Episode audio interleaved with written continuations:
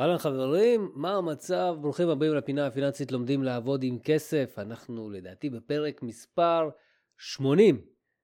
ולמרות שהמצב הביטחוני קצת uh, הרבה מעיק, אני לא יצא לי לישון טוב בגלל מה שקורה בארץ, בגלל כל הטילים והמהומות שיש בתוך הערים. אבל uh, למרות זאת אנחנו חייבים להמשיך, כי אנחנו כאן כדי להישאר.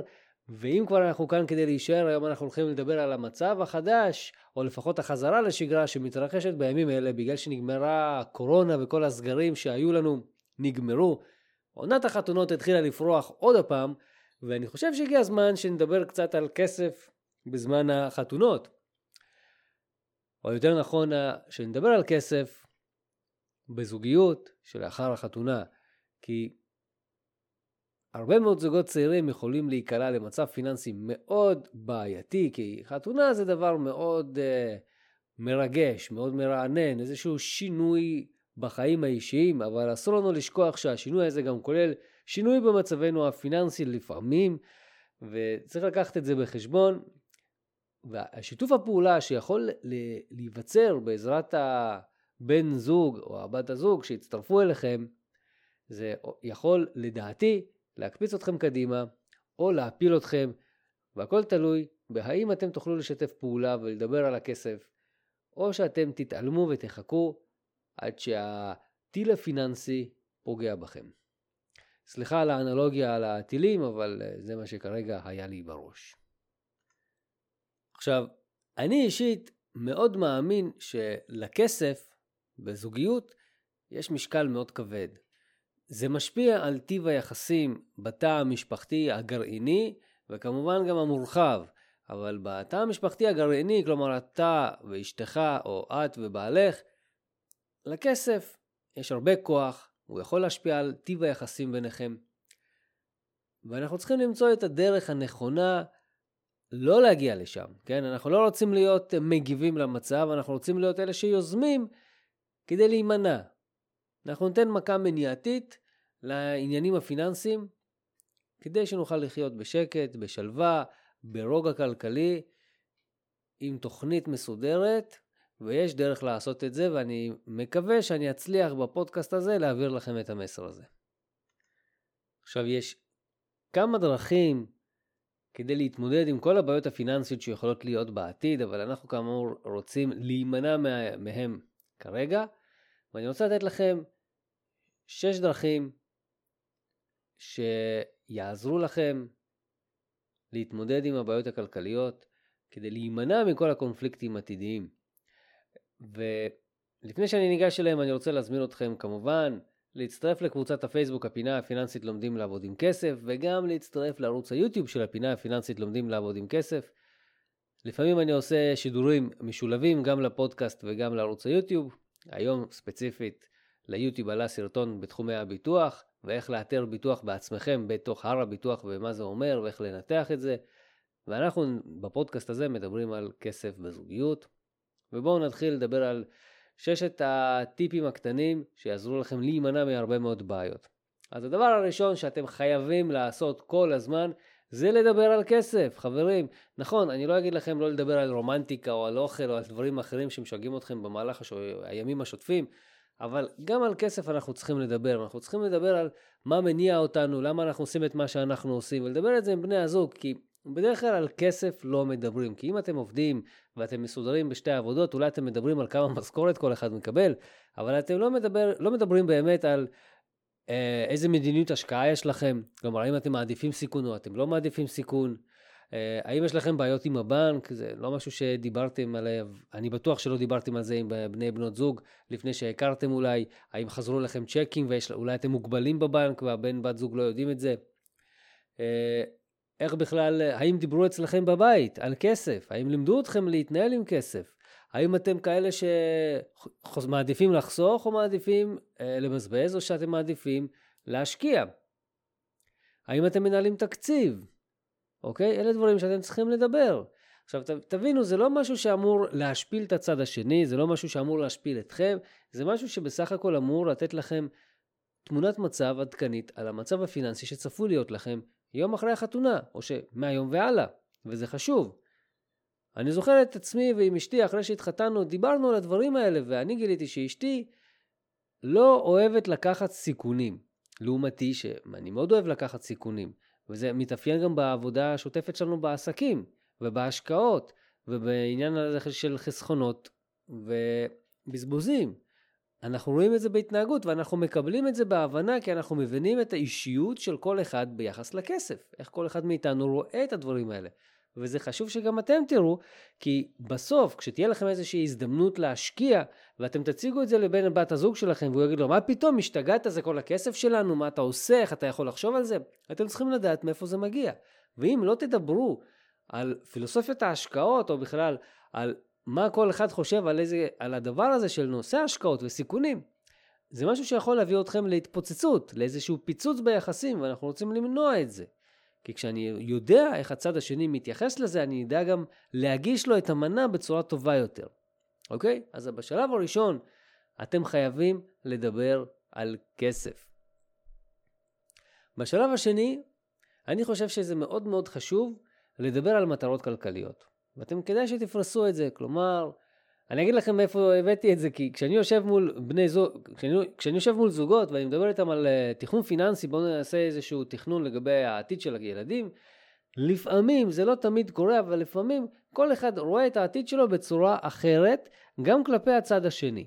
למשל, לפעמים הבעל אומר, כן, אני רואה את עצמי עושה 1, 2, 3, ואני רואה את אשתי עושה 3, 4, 5, ואז האישה אומרת, רגע, אבל אני לא רוצה את זה, איך אתה יכול לדעת שזה מה שאני רוצה? וזה בדיוק על מה שאני רוצה לשים דגש כאן. אתם חייבים לדבר על זה. האם אתם רוצים לקנות בית או לשפץ בית? האם אתם רוצים השכלה לילדים או לתמוך בהם בצורה אחרות, בצורה אחרת, לתת להם השכלה ב... רק תיכונית או השכלה גבוהה, תואר ראשון או גם תואר שני? האם גם, האם גם למשל שכר אה, דירה בתואר הראשון והשני תשולם? והאם אתם רוצים דברים נוספים? האם אתם רוצים לפתוח עסק? האם אתם רוצים לפתוח uh, חיסכון למטרות פרישה או למטרות חירום? בקיצור, אתם חייבים לחפור עמוק כדי להבין מהם החלומות שלכם, על מהם המטרות שלכם, איזה יעדים, איזה, איזה חזון משפחתי יש לכם. עכשיו, כשאתם בני זוג נשואים, מה מניע אתכם כלכלית, פיננסית, איזה מטרות, מה עומד שם לנגד עיניכם שבעצם מקשר אתכם ביחד, עושה לכם את ה bonding הזה, ודוחף אתכם קדימה כדי להצליח במטרות האלה. ואני אומר לכם, זה דבר סופר סופר חשוב, כי אם אתם רואים א', ובן הזוג שלכם רואה ב', אתם לא תשיגו את המטרה, יהיה לכם, או שיותר נכון לומר, יהיה לכם קשה להשיג את המטרה. אתם לא רוצים להיות במערכה הפיננסית לבד. אתם רוצים להיות ביחד. בגלל זה התחתנתם, לא כדי להוביל דברים לבד. וביחד זה הרבה יותר קל. תסכימו איתי, אין אפס, כן? אין פה איזה משהו אחר. אם אני, יש לי בת זוג שאומרת, אוקיי, אנחנו רוצים ביחד להשיג א', ב', ג', אנחנו רוצים משכורת מסוימת אה, כזאת, ואנחנו רוצים בית מסוים כזה, ואנחנו רוצים השכלה לילדים כזאת, וכשזה משהו שמתקבל ביחד, הרבה יותר קל להשיג, מאשר שכל אחד פועל בחזית אחרת. הרי תבינו, תראו מה קורה במלחמות. לצערי זה המצב שלנו היום, אבל ככל שמנסים לפתוח לנו יותר חזיתות, יותר קשה להתמודד. נכון שבהיסטוריה שלנו, של מדינת ישראל, הצלחנו להתמודד עם הרבה חזיתות, אבל חברים, אנחנו פה תא משפחתי, אנחנו רוצים להצליח ולנצח בכל דבר בלי מאמץ.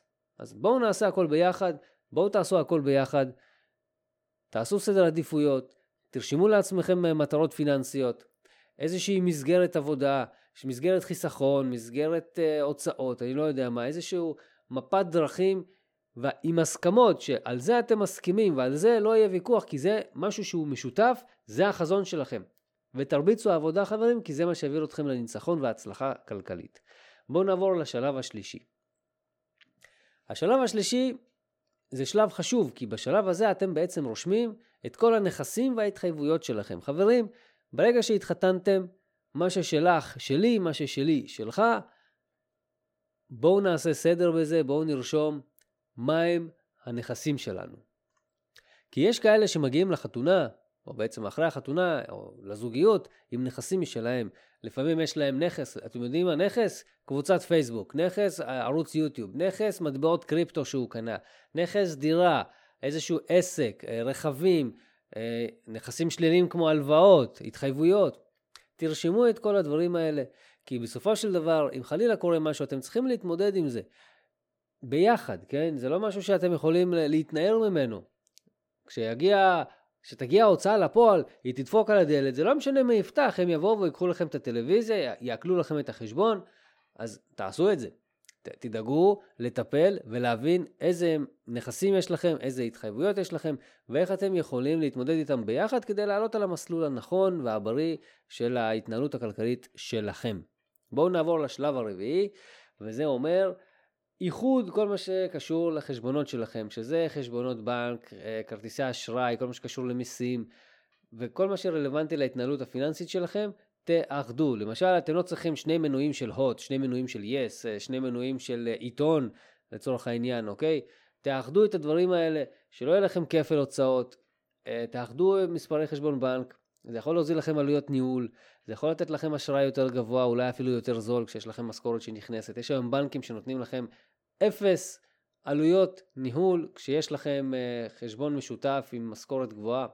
אז תדאגו לעשות את זה, תבטלו כרטיסי אשראי שאתם לא צריכים, אתם לא צריכים שני כרטיסי אשראי למשל של, uh, uh, לא יודע מה, לייפסטייל, או שני כרטיסי אשראי של שופרסל, או רמי לוי, או לא, לא משנה מה, זה, זה לא משנה, אתם צריכים כרטיס אחד בסך הכל, שמיועד ואמור לתת לכם את ההנחות הכי גדולות, לא צריך להתפזר, אוקיי? המטרה שלנו זה להיות מאוד מאוד ממוקדים, הצלחה פיננסית. ובהצלחה הפיננסית אנחנו חייבים להיות מסודרים ואנחנו חייבים להיות על זה. כי אם אתם תתחילו להתבלבל ולהיות מאוד מפוזרים בדבר הזה, ההצלחה פה לא תהיה, אוקיי? יהיה פה בלבול, יהיה פה בלאגן, יהיה פה מצב של זה כל כך מסבך אותנו שאין לנו כוח להתעסק עם זה. וזה לא משהו שאנחנו רוצים לעשות, זה לא משהו שאנחנו רוצים שיהיה לנו. בואו נעבור לשלב החמישי. בשלב החמישי חברים אתם חייבים להגדיר תקציב חודשי. עכשיו אם אתם פעם ראשונה שומעים את המילה הזאת תקציב חודשי, אני מזמין אתכם להאזין לפודקאסטים הקודמים שלי שעוסקים בכלכלת משפחה, ושם אני מדבר איתכם על מה זה תזרים, מה זה תקציב, איך לעשות את זה, איך להגדיר מטרות, יעדים וחזון. אז uh, תקציב משפחתי זה דבר מאוד מאוד חשוב. התקציב המשפחתי שאתם בעצם מוציאים כל חודש, אחרי שתקצבתם את ההוצאה הזאת, זה משהו שאמור להביא אתכם לרמה של יוזמה מאשר תגובה. כי כשאני יודע שאני אמור להוציא בחודש 4,000 שקלים על אוכל, כי אנחנו משפחה גדולה, ו-3,000 שקלים על חשמל, ו-X, Y, Z, שאר ההוצאות, אז אני יוזם את זה מראש, אני יודע שזה מה שאני אמור להוציא. להבדיל מאלה שפשוט מוציאים, מוציאים, מוציאים, מוציאים, ובסוף עושים את החשבון ואומרים, אוקיי, זה המצב, איך אני יכול לחסוך? אתה לא יכול, כי כבר הוצאת את זה.